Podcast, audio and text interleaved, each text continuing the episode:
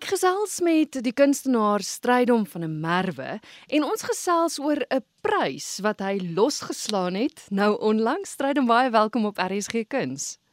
Baie dankie. Vertel my van die prys. Wat is die naam van die prys wat jy gewen het? Ja, dit is die Pollock Krasner Foundation grant. So dit is nou natuurlik die Pollock natuurlik die bekende abstrakt expressionist Jackson Pollock en sy vrou Lee Krasner. So albei van hulle was abstrakte kunstenaars gewees natuurlik hier in die in die laat 60er begin 70er jare en en dan nou met met al die geld wat hulle gemaak het en wat daarna gevolg het, het het hulle toe die fonds gestig waarmee hulle dan nou weer vir kunstenaars help om hulle beroep verder te kan beoefen. So waarop dit neerkom, jy as kunstenaar doen aansoek en daarin in wys jy natuurlik na 'n portfolio portfolio van jou werk en dan maak jy natuurlik 'n baie goeie rede uit hoekom jy dink dat dit belangrik is dat jy ondersteun moet word met die tipe kuns wat jy doen en hulle kyk dan na die aansoeke en daarvolgens ehm um, verdeel hulle dan die geld en deel dan die geld uit. So ek is nou een van die gelukkiges om hierdie jaar ontvanger te wees van een van hierdie bedrag geld wat hulle so uitdeel wat dit natuurlik vir my as kunstenaar ehm um, kom ons sê maar bietjie meer asem gee om te skep. So ehm um, party van my basiese behoeftes word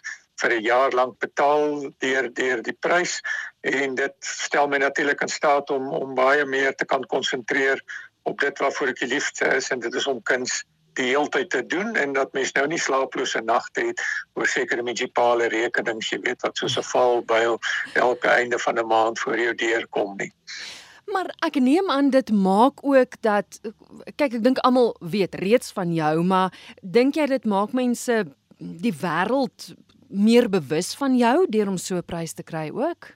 Ja, ek ek dink beslis so natuurlik die eerste wonderlike ding wanneer mens so 'n prys ontvang is dat mens besef natuurlik dat daar wêreldwyd natuurlik verskriklik baie kunstenaars is wat aansoek doen vir die prys want want dit is dit is 'n wonderlike prys om te ontvang en natuurlik om geassosieer te word met Paulo Krasner Foundation stigting maak dit natuurlik 'n wonderlike prys om op jou portfolio te skryf. Maar natuurlik die ding waarna ou ding want wanneer hulle jou die dag gekontak het en gesê het wel jy het die prys ontvang, dan besef jy wel die eerste belangrike ding is hulle het natuurlik na na 'n uh, hele portfolio van jou werk gekyk. So so die visuele beelde wat mens vir hulle wys en wat jy doen het natuurlik eerstens 'n indruk by hulle gelaat mm. dat ehm um, ons hou baie van wat die kunstenaar doen. Ons wil ondersteun waarmee hy besig is en ons wil graag die geleentheid vir hom gee dat hy aangaan daarmee dit wat hy doen. Jy weet en ek dink dit onderskei mense natuurlik eerstens kom ons sê maar van baie kunstenaars wat ook aansoek gedoen het en wat uh ongelukkig miskien nie die prys ontvang het nie. So dit is dit is die eerste groot uh belangrike ding wat mense voel, wow, jy weet dit maak vir jou die lewe vorentoe oop. Maar dan natuurlik ook ehm um, die publisiteit wat daar rondom gaan. So hulle het natuurlik van hulle kant af baie publisiteit gegee aan vir watter kunstenaars hulle bereid is om hulle naam aan te koppel en wie se werk hulle wil ondersteun. En dan natuurlik natuurlik plaaslik ook jy weet help dit ook ook baie vir jou om voort te gaan met die tipe werk wat mens doen. So dit is alles tot voordeel van jou beroep en natuurlik kom kom en komende van internasionaal is dit soort van jy weet hulle sien raak wat hier aangaan en hulle voel dit is belangrik vir die kuns uh wêreld in sigself op sig wat hier in Suid-Afrika gebeur dat ons so kunstenaar wil ondersteun.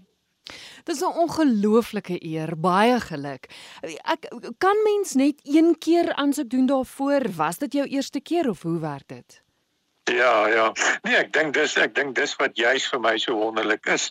Ek het omtrent so plus minus 12 jaar gelede het ek ook die prys van hulle ontvang en wanneer mense nou weer aansoek doen, mense mense die mense die voorreg om weer na 'n hele klomp jare te weer aansoek te doen en hulle weet natuurlik en jy sê in jou aansoek dat jy het dit reeds ontvang dan kan mens miskien aanneem jy weet dat hulle gevoel het wel ons het al vir jou uh van tevore die prys gegee dat miskien nou tyd is om iemand anders te ondersteun maar dat ek dat ek weer vir die tweede keer die prys ontvang het ek dink dit is nogal vir my uh 'n wonderlike eer want mense sal dink wel hulle dink nog steeds of hulle sien nog steeds. En natuurlik die ander ding ek het natuurlik ook gemotiveer wel destyds het julle van die prys gegee en dit het my in staat gestel om my beroep verder te ontwikkel en en en dit het vir hulle natuurlik gewys wel dit het die kunstenaar bereik van dat ons hom destyds finansiëel gehelp het.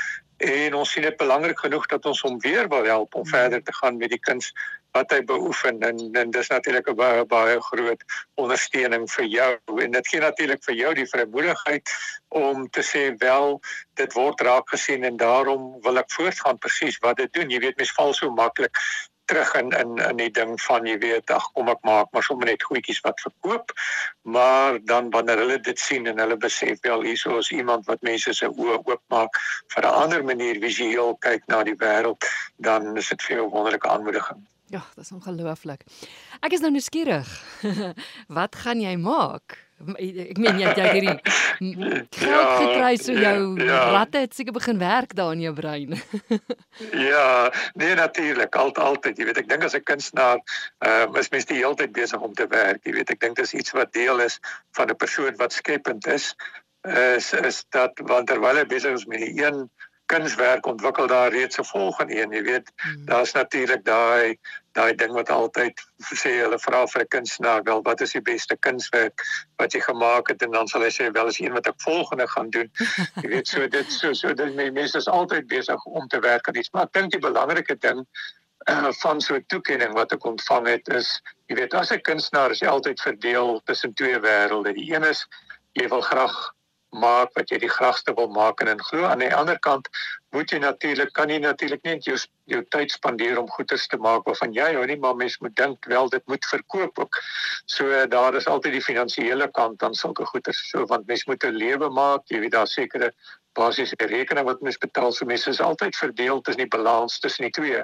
En ek dink wat wat hierdie prys nou eintlik vir mense sê is hoor hierso leef jouself uit in dit wat jy glo en dit wat jy kreatief dink is wonderlik en jy hoef nie noodwendig te dink dat dit hoef te verkoop nie. So vir 'n jaar lank kan ek het ek eintlik die die vryheid om net om net 100% my gedagtes en my drome uit te leef en daaruit kom natuurlik nuwe ontwikkelinge en nuwe dinge wat wat die kykerspubliek miskien 'n jaar of twee later gaan vat om by te kom en te besef o, maar dit is dit is wonderlik. Ons wil dit graag koop.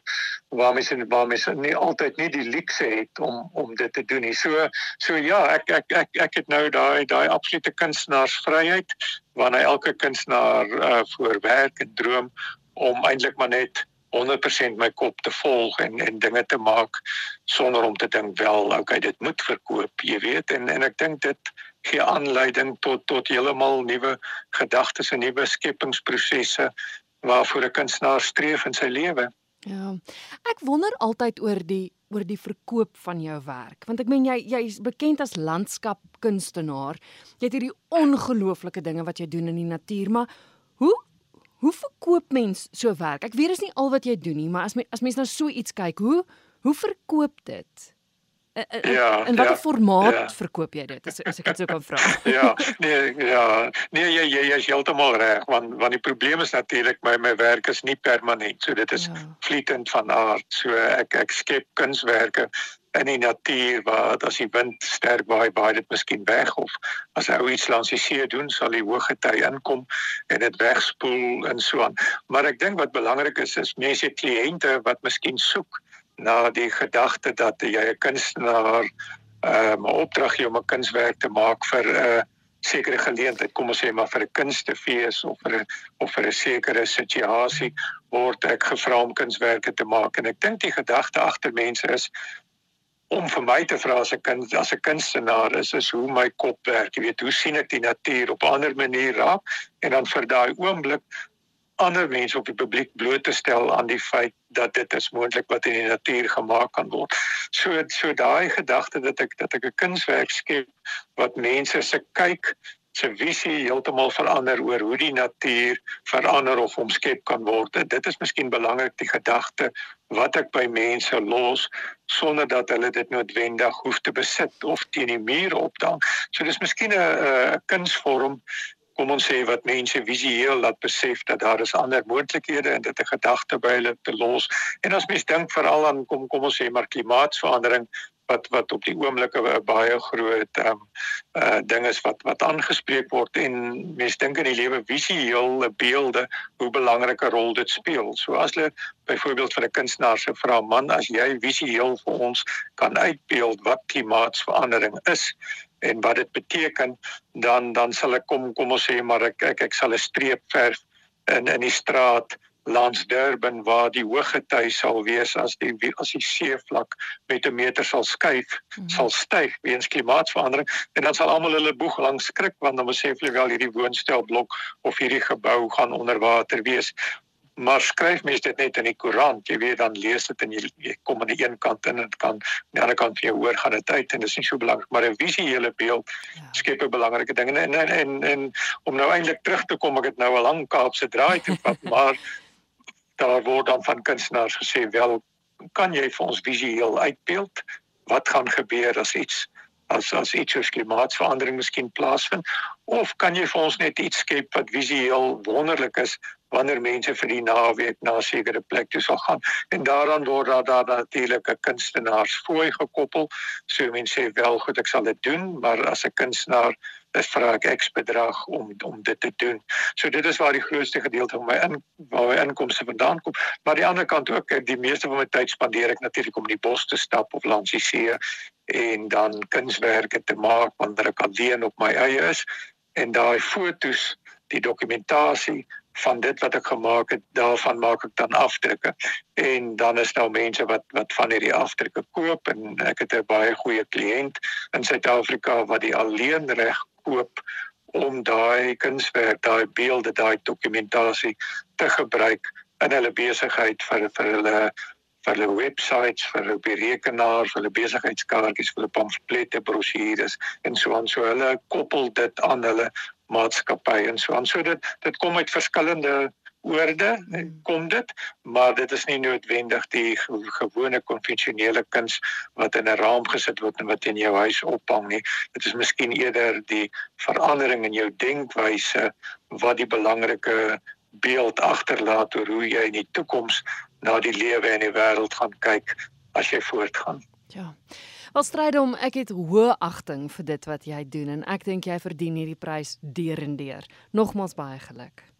Baie dankie. Ek waardeer die gesels en dit is altyd lekker om mense bewus te maak van van wat aangaan in die ondersteuning van julle kant van die media. Ek waardeer dit geweldig.